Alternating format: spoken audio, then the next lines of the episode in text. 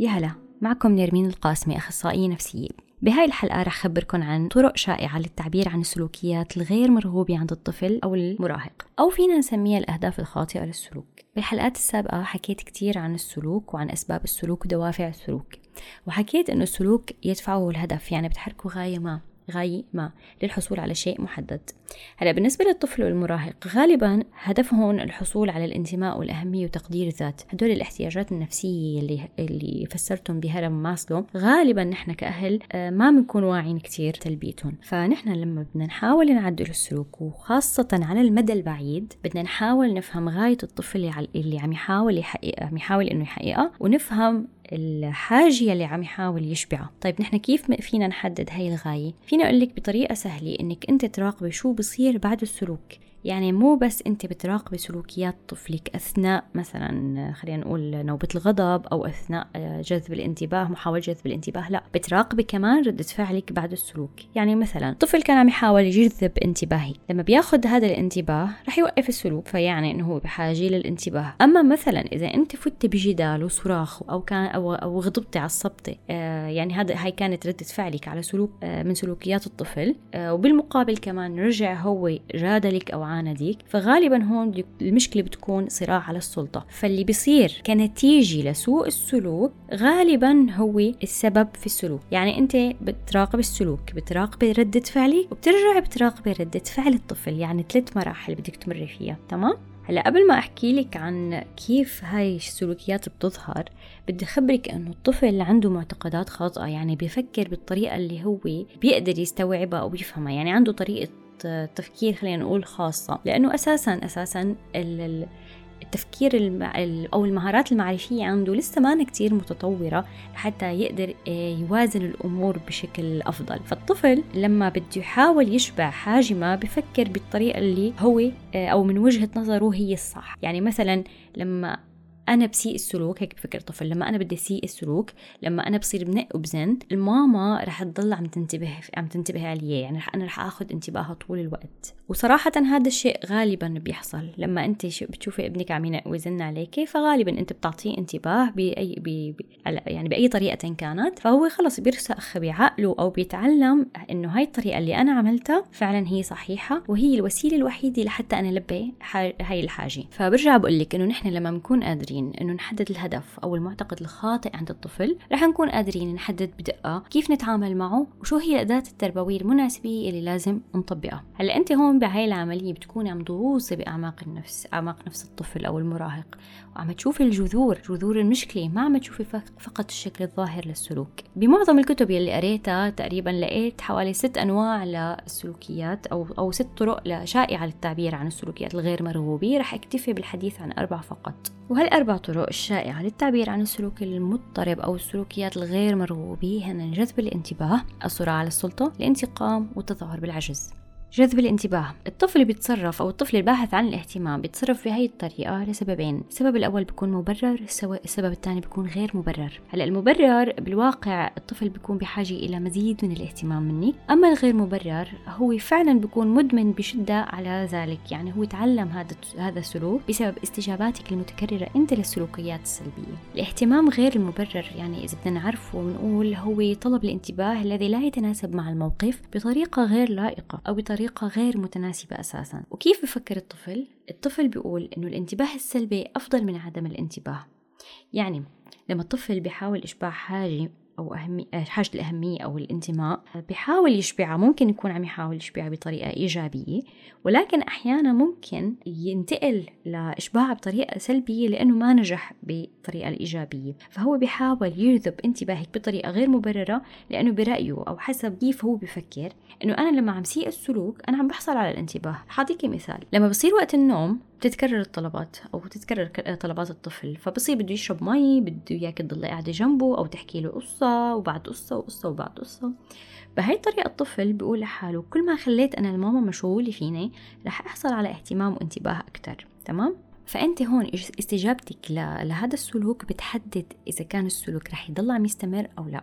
فهون بدك تلاقي طريقة لحتى أنت توقفي هذا السلوك وتوقفي أو استجابتك لهذا السلوك بهي السلوك بهي الطريقة وتعدلي عليها. فأنت لاحظي هون إذا كان طفلك عن جد بده انتباهك فهو بيعرف كيف يحصل عليه. فهذا ما خطأ الطفل لما بيستخدم هذا الأسلوب لأنه نحن بالأساس علمنا يسيء السلوك آه، بالاستجابة له لذلك لقى أنه جذب الانتباه عن طريق الزن والنق والمقاطعة جاب نتيجة فمعناتها هذا التصرف هو الصح. هو رح يضل يستخدم آه، هذا الأسلوب مرارا وتكرارا في حال ما تم إعطائه بديل أو ما تم تعليمه السلوك الصحيح.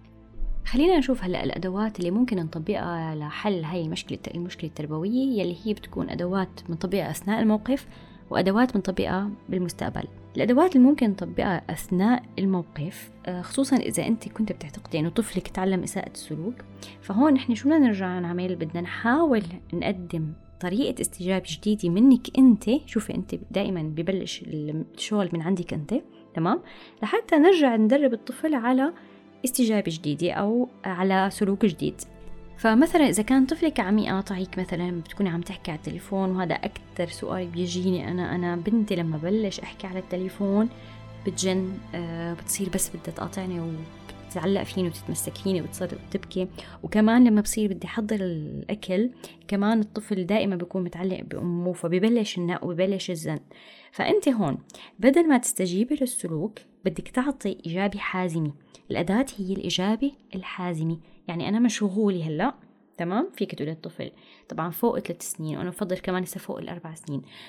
أنا مشغولة هلأ أو أنا عم بشتغل وغير مسموح إنك تقاطعني. ولكن ممكن كمان تعلمي الطفل إنه ممكن يقاطعك في حال كان في شيء مهم. هلأ بالبداية أنت ما رح تلاقي استجابة اللي بدك إياها لأنه أنت هلأ عم ترجعي تشكلي السلوك من أول وجديد. فأنت بتحتاجي لشوية وقت بالإضافة للتدريب وأكيد للصبر. فأنت هلأ هون عندك أداتين يلي هي إنك أنت تعطي إجابة حازمة وتدريب. فمع الوقت كل مرة أنت رح تعطي نفس الإجابة إنه أنا مشغولة أنا محتاجة شوية وقت لحتى أخلص وبعدها بكون معك مع التدريب رح يت... رح يتصرف الطفل على هذا الأساس ورح يقتنع. بس مثل ما قلت لك إنه نحن بحاجة إلى تدريب. إذا كان في عنا شيء ضروري فعلا الطفل آه بده يقول لك إياه فيك تدربيه على على إنه الأشياء أو فيك تحددي له شو هي الأشياء الضرورية اللي ممكن يخبرك عنها. فأنت شو ممكن تعملي؟ ممكن تتفقي معه على حركة إيمائية للحالات الطارئة يعني حركة سرية آه أو يكتب على ورقة ويعطيك إياها إذا كان قادر على الكتابة. فالكتابة على ورقة كمان كتير مفيدة خصوصا لما بتكوني بوقت آه، نوعي. فأنا بشجعك دائما إنه تحاولي تعلمي الولد إنه يكتب على ورقة. مثل ما قلت لك إذا كان بيكتب. فممكن تتفقوا على حركة سرية في حال نفذها آه، واستجبتي. ممكن تصير يكررها كل مرة. الحركة السرية مثلا آه، ممكن يرفع إيده مثلا أصبعته ممكن يحط إيده عليك ممكن أنت بالتالي إنك تحط إيدك عليه أو ممكن بالتالي أنت ترفع أصبعتك. فمعناتها هو عطاكي وإنت تلقيتي تمام؟ يعني إنت استجبتي ولكن عن طريق الحركة السرية. يعني المهم إنك إنت استجبتي تمام؟ مو تجاهلتيه تجاهل كامل. طبعا مثل ما قلت لك إنه نحن بدنا نضل عم نتدرب لحتى نوصل للنتيجة اللي بدنا إياها. وأكيد ما بننسى أهم الأدوات اللي هي التشجيع لما طفلك بتلاقي منه شوية نتائج لما بتلاقي النتيجة اللي حتى لو ما كانت كاملة لا تنسي انت تشجعيه على السلوكيات اللي هو عم هلا يبلش يظهرها من أول وجديد. أهم خطوة كمان إنك تشرحي للطفل إنك أنت ما تستجيب ما بتستجيب لهذا النوع من السلوك. يعني أنت بدك توصلي فكرة للطفل إنه أنا هذا السلوك سلوك النق والزن ما بستجيب له. شايفي كيف نحن بدنا نزرع هاي الفكرة بعقل الطفل. بدنا نصلح المعتقد الخاطئ بتصوره وبعقله هو فأنت لما بدك تحكي معي وتطلب مني وتطلب منك مني انتباه بدك تطلبه بطريقة لائقة وبالموقف المناسب. فبنرجع بنقول إذا بتلاحظي هون إنه تعديل السلوك الطفل كله قائم على تعديل استجابتك أنت. هلأ إذا بدنا نشتغل على المدى البعيد للمستقبل لحتى كمان نحاول نخفف هذا السلوك الغير مبرر. الوقت النوعي الوقت الخاص بشكل يومي إذا بنقدر آه في نحاول نطبقه لأنه كتير رح يملى الخزان العاطفي عند الطفل. رح يملأ أو رح يشبع حاجة الانتماء وحاجة الأهمية وحاجة الحب عنده حتى عند المراهق. وهذا الوقت النوعي كمان مهم لشيء تاني اللي هو إنه نحن لما ما بنلبي هذا الاحتياج احتياج الانتماء والحاجة عند الطفل آه، احتياج الانتماء آه، والأهمية عند الطفل ممكن تتفاقم المشكلة وتتصاعد وتصير صراع على السلطة لإثبات الطفل نفسه. فالوقت النوعي كتير بنصحك فيه والملفات اللي أنا أرفقتها أو الملفات اللي أعطيتك إياها فيها تفصيل عن الوقت النوعي وتفصيل عن كيف تعطي وقت نوعي في حال إنك أنت كنت مشغولة أو ما كان لك مراء إنك تعطي وقت نوعي.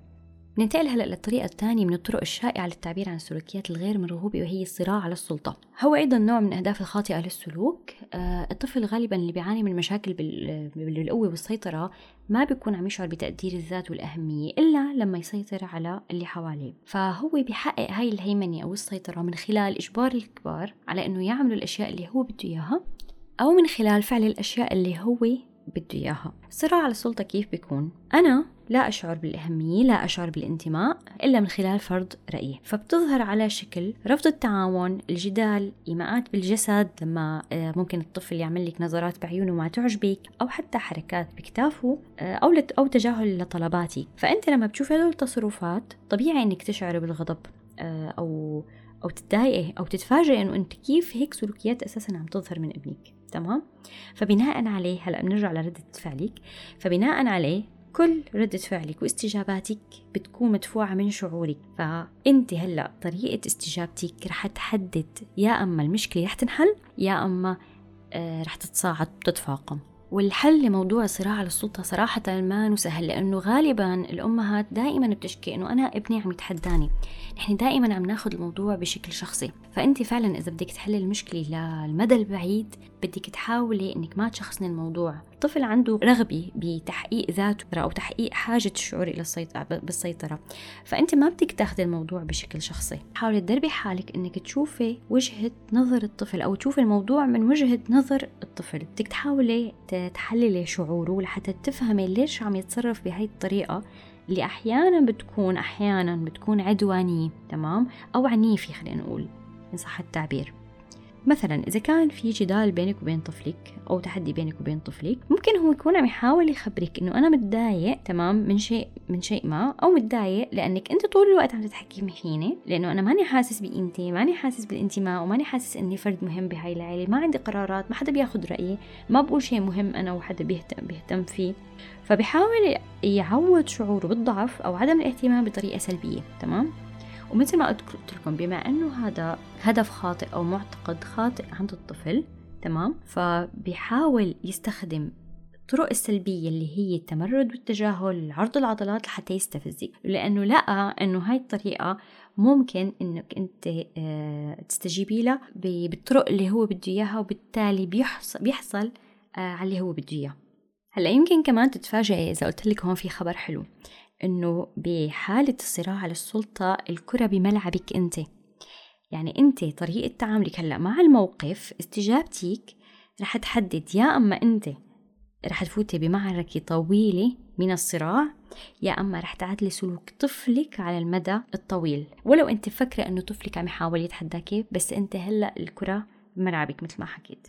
فرح أعطيك بعض الخطوات أو بعض الأدوات اللي تستخدميها لحتى تحاولي تكسري هاي الحلقة المفرغة من الصراع على السلطة. أول شيء حابة أخبرك يا إذا أنت رح تلجئي لأسلوب العقاب فأنا بأكد لك إنك أنت رح تكوني خسرانة. إذا ما كنت خسرانة على المدى القصير رح تكوني خسرانة على المدى البعيد. لذلك أحسن حل تعمليه أو أحسن أداة تستخدميها وتفرجي الطفل إنك أنت ما بدك تفوتي معه بصراع تمام؟ يلي هو أو مثل ما مثل ما حكيت لكم سابقا إنه ما تبتلعي الطعم. أحسن شيء إنك تنسحبي. لأنك أنت بهذا الوقت ما بتقدري تتحكمي بالطفل ولكن أنت بتقدري تتحكمي بردة فعلك أنت بلحظة المشكلة تمام؟ فأنت أثناء المشكلة أفضل أداة تستخدميها هي الانسحاب التكتيكي تمام؟ أنا مسميتها هيك انسحاب تكتيكي. فما تعطي أي تعابير بوجهك ما تعطي إيماءات أو, أو أي شيء بيحاول أو ممكن يستفز الطفل خلاص انسحبي. إنك أنت رافضة لأنك أنت فعلا بدك تفرجي الطفل انك أنت رافضة تفوتي بهذا الصراع اللي أساسا ما راح يجيب نتيجة تمام؟ وبنفس الوقت بتكون أنت معلم الطفل مسبقا أو خلينا نقول مع الوقت رح تعلميه إنه أنا ما بفوت بهيك نوع من الصراعات والجدالات لأنه ممكن توصل فينا إنه نحكي بطرق غير مناسبة وغير محترمة مع بعض. أنا بفضل إنه نحن نتناقش على موضوع ما لما أنت بتكون هادئ ولما أنا بكون هادئة. وهلأ أنا هذا الصراع هون بهاي المشكلة السلوكية دائما بشوف فيها بشوف فيها فرصة لتعلم مهارات كتير. يلي هي مثلا آه، ضبط النفس مهارات ضبط النفس إن كان عند الطفل وكان عند المراهق. فلما بنوصل رسالة للطفل إنه أنا ماني فايتي معك بهذا الجدال ما رح فوت معك بهذا الصراع لأنك أنت هلأ بحالة غضب وأنا بالنتيجة بحالة غضب فرح نستنى اثنيناتنا لحتى نهدى تمام؟ لحتى ننظم انفعالاتنا ونرجع نحكي بالطريقة المناسبة المحترمة اللي بتناسب عائلتنا أو اللي بتناسب القيم بعائلتنا. ف تنظيم المشاعر كتير عملية مهمة آه، أو خلينا نقول مهارة مهمة ممكن نستفيد آه، من هاي الفرصة لتعليمها. طيب على المدى البعيد كيف فينا نحن نستخدم أدوات لحتى ما نواجه مرة تانية صراع آه، أو مشكلة الصراع على السلطة؟ فيك انت تحددي المشكلة اللي أنت عن جد واقعة فيها أو شو هي أكثر جانب تتقاتلي فيه أنت وابنك بتتخانقوا فيه في عندكم صراع فيه. حددي وبعدها استخدمي أدوات سحرية أو أداة سحرية اللي هي أنا عن جد بعشقها بحبها كتير اللي هي خبري توقعاتك. بدل ما تطلبي من الطفل إنه أنا بدي إياك تعمل هيك هيك قولي له أنا بتوقع منك.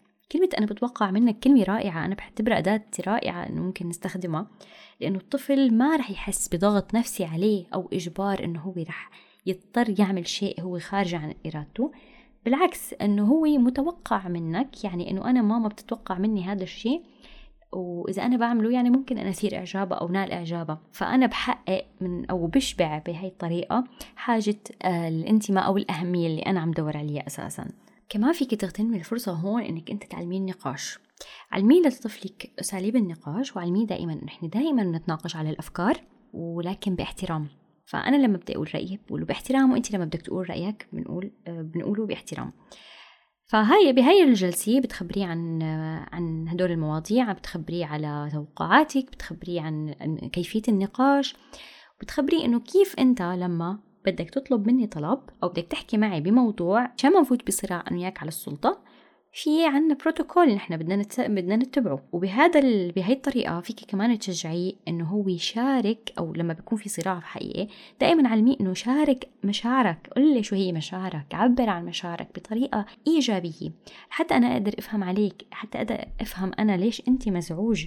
حتى أنا أقدر لبيك شوف شو بدك. بدك تقول لي أنت شو حاسس وبدك تقول لي رأيك بالموضوع باحترام. طيب لما بت... لما بيجي وقت الصراع وطفلك ما نفذ هذا ال... ما نفذ اتفاقكم لأنه طبيعي ممكن ينسى لأنه أساسا بيكون العقل اللاواعي أو خلينا نقول العاطفي آه، أجزاء من الدماغ اللي مسؤولة عن العاطفة هي مسيطرة. بنقول له للطفل أو نتفق معه على حركة بإيدنا إنه لو سمحت رجع اطلب مني شو بدك أو رجع قل لي شو بدك بحركة إيدك. بحركة إيدك هاي بتعلميه إنه أنت حاول مرة بطريقة, بطريقة تانية إنك تقولي شو بدك.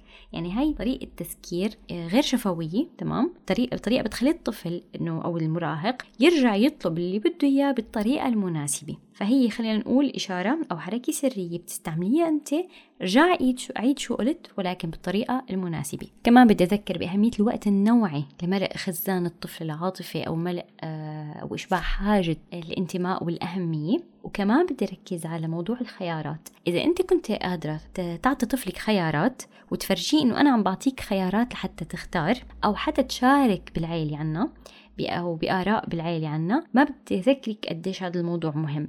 فحاولي أنك أنت تعطي الطفل شوية خيارات حاولي تعطيه شوية مسؤوليات آه، يلي كمان مناسبة لعمره اللي من خلالها رح يحس بأهميته بالعيلة.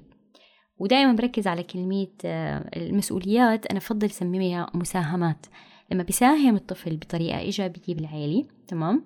يلي خلينا نقول مثل أعمال المنزل ببساطة. كتير رح ممكن يكون كتير وسيلة مفيدة بالنسبة له تيشبع هاي الحاجة عنده. إذا كانوا لابد مضطرة آه، تفرجي الطفل بعض العواقب. العواقب طبعا بدك تكون محددتها أو من مسبقا العواقب السلبية.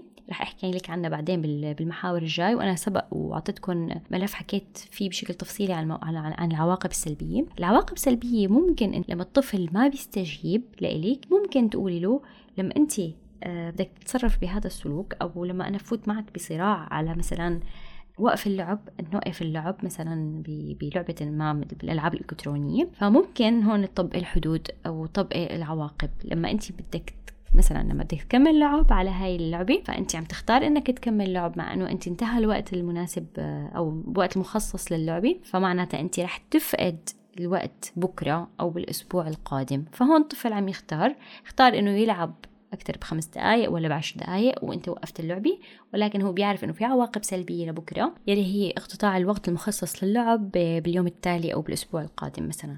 ننتقل هلأ للطريقة الرابعة من طرق التعبير عن السلوك الغير مرغوب يلي هو الانتقام. وحقيقة هذا أكثر آه، سلوك صعب على الأهالي لأنه ممكن يشكل عندهم صدمة إنه هن ما بيصدقوا إنه أنا طفلي عم يتصرف بهاي الطريقة. هلأ اولا السلوك هذا علامة أكيد إنه طفلك عم يشعر بإنه هو ما عنده قيمة ما ما عم يحس بقيمته. فهو بشوف العالم هيك بصير بتراءى له العالم يعني معتقد خاطئ عنده إنه الناس أو أو أهله هن معادين له هو ضحية. لهذا العداء. فهو بيحاول يتغلب على هاي المشاعر تمام؟ شو بيعمل؟ بيحاول يدوق الناس أو يدوق أهله من نفس الشعور اللي هو عم عم عم يحسوا طيب أنت ممكن تسأليني إنه ليش وصل الطفل لهي المرحلة مرحلة الانتقام؟ ممكن أقول لك إنه الطفل أساسا آه تطور عنده أو تصاعدت المشكلة عنده آه من صراع على السلطة إلى الانتقام. لما مثلا في بعض الأهالي بفوتوا بصراع السلطة مع أطفالهم وبيبلشوا يعاقبون فالطفل هون خلاص بصير بتصعد عنده الموضوع لموضوع انتقام. فلأنه هو بيكون مثلا تعرض لاهانه وأذى مثلا من من أحد الوالدين أو أو حتى من إخواته. فهو هون بده يشعر بالإحباط. هو للأسف هو الإحباط هو أكثر شيء مرافق لهذا لهذا النوع من من السلوكيات. فبيصيب بالإحباط والهزيمة وبصير بعقله معتقد إنه أنا مهما حاولت لأثبت حالي ولحتى أنا أكون مركز اهتمام أو إنه أنا أنجح وفوز بصراع بصراع السلطة كل محاولاتي رح تفشل تمام فلأنه أنا فشلت كل. كل محاولاتي شو بدي أعمل؟ بدي أشر... بدي أجرح اللي جرحني أنا عم بشعر هلأ بال... بالقهر عم بشعر عم بشعر. بالحزن آه بالإحباط فأنا ماني عم بشعر بالانتماء لذلك أنا فيني كمان أجرح فهو بي هلأ ببلش يطلع سلوكيات يلي هي سلوكيات مثلا نقول ضرب ولا التخريب لحتى يشعر يشعر الآخر أو المربي بشعور سيء نفس الشعور اللي هو عم يشعره. فهون بدنا ننتبه إنه لما الطفل آه، بيكون عم يمارس الانتقام هو عم يخبي ويتستر على مشاعر الجرح والعجز اللي عنده بيستعي للانتقام فهذا الشيء عم يعطيه إحساس بالسيطرة. ومثل ما حكيت إنه سلوك الانتقام بيرافقه أو بيتمثل بالضرب وبالتخريب. ممكن تسأليني يا الله أنا طب أنا ابني عم يضرب أخوه مثلا أو طفلي بيضربني أو طفلي بيخرب البيت هل هذا انتقام؟ لا بدك تفرقي.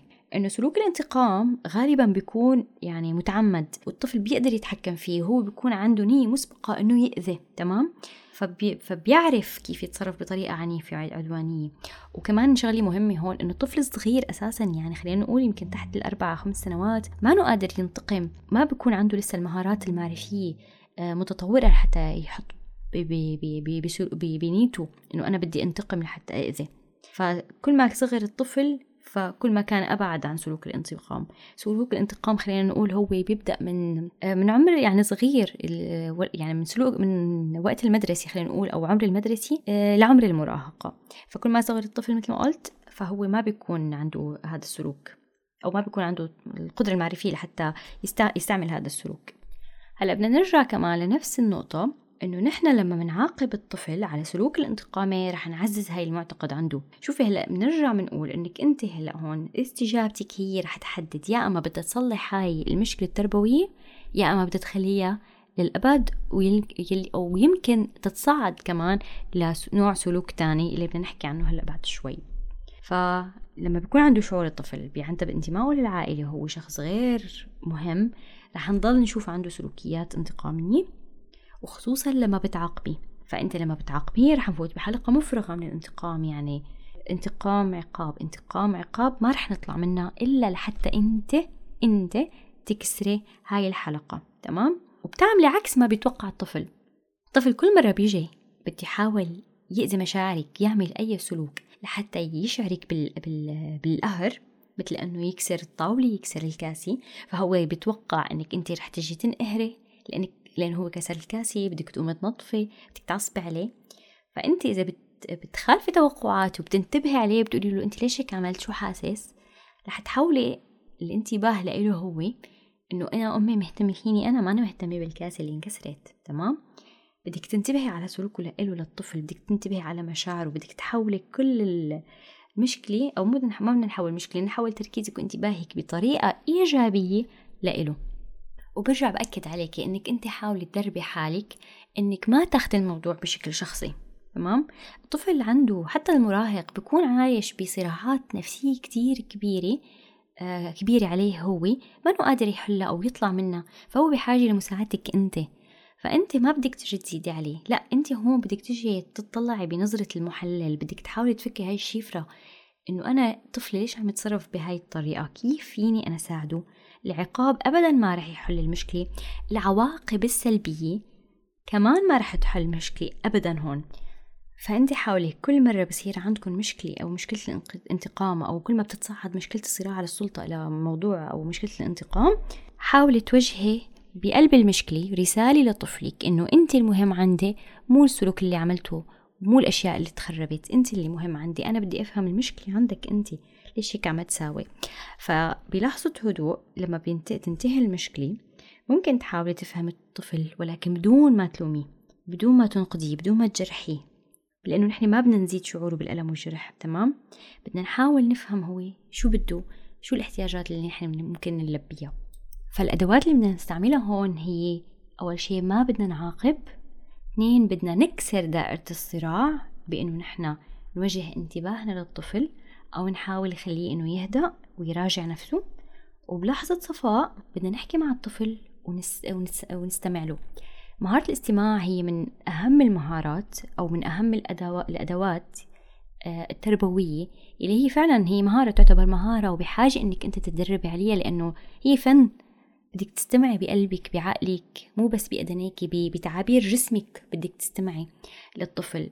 فخلينا نستمع لوجهة نظر الطفل وبدنا نركز على إنه ما نلومه مثل ما حكيت. وفي حال نحن ما قدرنا نحل هاي المشكلة مع الطفل فينا نستشير مختص لحتى نشوف إنه الطفل ليش ما قادر يطلع من من من هاي خلينا نقول من هاي المشكلة التربوية.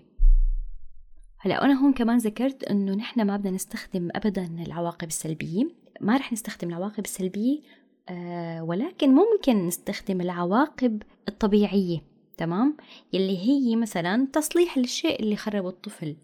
مثلا ما بدنا نستخدم أشياء آه، أكبر من هيك آه، بحيث إنه نحسس الطفل بإهانة أكبر لا بس أي شيء خربه الطفل ممكن هو يصححه اللي هي بنسميه عواقب طبيعية. كمان سبق وشرحت شرحتها أنا بملف اسمه القوانين المنزلية. بنيجي هلأ لآخر طريقة من طرق إظهار السلوكيات واللي هي الاستسلام أو إظهار العجز والضعف. الطفل بيوصل لهي المرحلة من إظهار العجز والضعف والاستسلام لما بيفقد الأمل من كل السلوكيات السلبية والإيجابية يلي عملها. يعني الطفل بيكون عايش بحالة عميقة من عدم الإحساس والانتماء والأهمية. لأنه كل محاولاته لحتى يشعر بالاهتمام والحب والانتماء باءت بالفشل إنه هو مهما عم يحاول من سلوكيات ما رح يلاقي نتيجة شو من عمل ما رح يلاقي نتيجة. فبيستسلم لأنه بيقول بعقله إنه أنا شو الفائدة إني أنا أحاول تمام؟ شو الفائدة إني أنا أحاول وما حدا عم ينتبه لي ما حدا عم يرد علي. فبتظهر عنده سلوكيات انسحابية مثل العزلة مثل عدم الرغبة بالمشاركة بنشاطات العائلة حتى بالمدرسة. فهون خلص هو كون صورة بعقله إنه أنا مهما عملت ما رح أجيب نتيجة. فالأفضل خلينا استسلم وهون في محاولات عند الطفل نحن ما عم نشوفها واللي هي محاولات للحفاظ على تقديره واحترامه لذاته. هلأ هاي النقطة الحساسة اللي نحن غالبا ما بنشوفها عند الطفل والمراهق. يعني حتى نحن عند أنفسنا أو عند شرك شركائنا يلي هي الصراعات الداخلية ومحاولاتنا الدائمة لنشبع أو على الأقل حتى نحافظ على تقدير ذاتنا بنظرنا وبنظر الآخرين يعني مثل ما شرحت بهرم ماسلو. فنحن هون عم نحاول نحافظ على ما تبقى من كرامتنا وتقديرنا لذاتنا عن طريق الانسحاب من كل من كل مظاهر خلينا نقول الحياة. فالطفل بينعزل بينزوي لحاله بحب يقعد لحاله بغرفة. طبعا أنا هون بقصد الطفل والمراهق وغالبا بنشوف هذا السلوك عند المراهقين أكثر من من الأطفال. في شغلة هون لفتت نظري وأنا عم بقرأ عن هذا الموضوع إنه غالبا نحن كأهل كيف بنستجيب؟ عادة الأمهات بتغضب تمام؟ على عكس كل السلوكيات نحن دائما بنحاول نعاقب وبنغضب وبنعصب هذا السلوك بالعكس هذا السلوك بيخليك تستسلمي. يعني أنت بصير مثل عدوى هون إنك أنت خلص انعديتي منه لأنه أنت حاولتي كل جهدك حاولتي بكل الطرق إنك أنت تحلي المشكلة مع ابنك ولكن بالأخير استسلمتي لأنه أنت ولا شيء عم تعملي معه عم ينفع. آخر نقطة بدي أنبه عليها إنه نحن في عنا استسلام حقيقي واستسلام تمثيل. التمثيل يعني إنه الطفل بيحاول يجرك بيحاول يتلاعب فيك لحتى تعملي له أو تقدمي له خدمة خاصة. يعني أنا ما بدي ألبس أنا ما بدي أعمل واجباتي أنا ما بدي آه ما بدي رتب غرفتي. فأنت هون شوفي استجابتك. إذا كانت استجابتك يلي هي آه إعطاء خدمة مثلا خدمة خاصة تعملي طلباته للطفل أحيانا بتحاولي تحلي له واجباته المدرسية لأن كنت غالبا شوفها عن طلابي كتير كنت شوف أهلي كاتبين واجبات أولادهم. فإذا كنت كمان مزعوجة من هذا الشيء وأعطيتيها للطفل أعطيتيها الخدمة فغالبا هو بده إياك تشاركي معه وياخذ اهتمامك تمام؟ وغالبا هذا السلوك بيوقف وبيرجع الطفل طبيعي بعد ما أنت تعطيها الخدمة الخاصة. فهذا يعني إنه هذا استسلام تمثيل. بينما لما بده يكون حقيقي فأنت استجابتك هون إنك بتحاولي تعملي له الخدمة اللي بده إياها الطفل ولكن ما بتلاقي أي تغير تغير باستجابته هو. فأنت هون بتفقدي الأمل أه بتحسي حالك ياسي ما بتعرفي شو بدك تعملي. لأن حاولتي كل الطرق معه ولسه ما عم يستجيب معك الطفل ولسه بده يضل لحاله ولسه ما بده يشارك بأي نشاط وما بيرجع لوضعه الطبيعي. فمعناته الطفل هون محتاج لمساعدة مختص.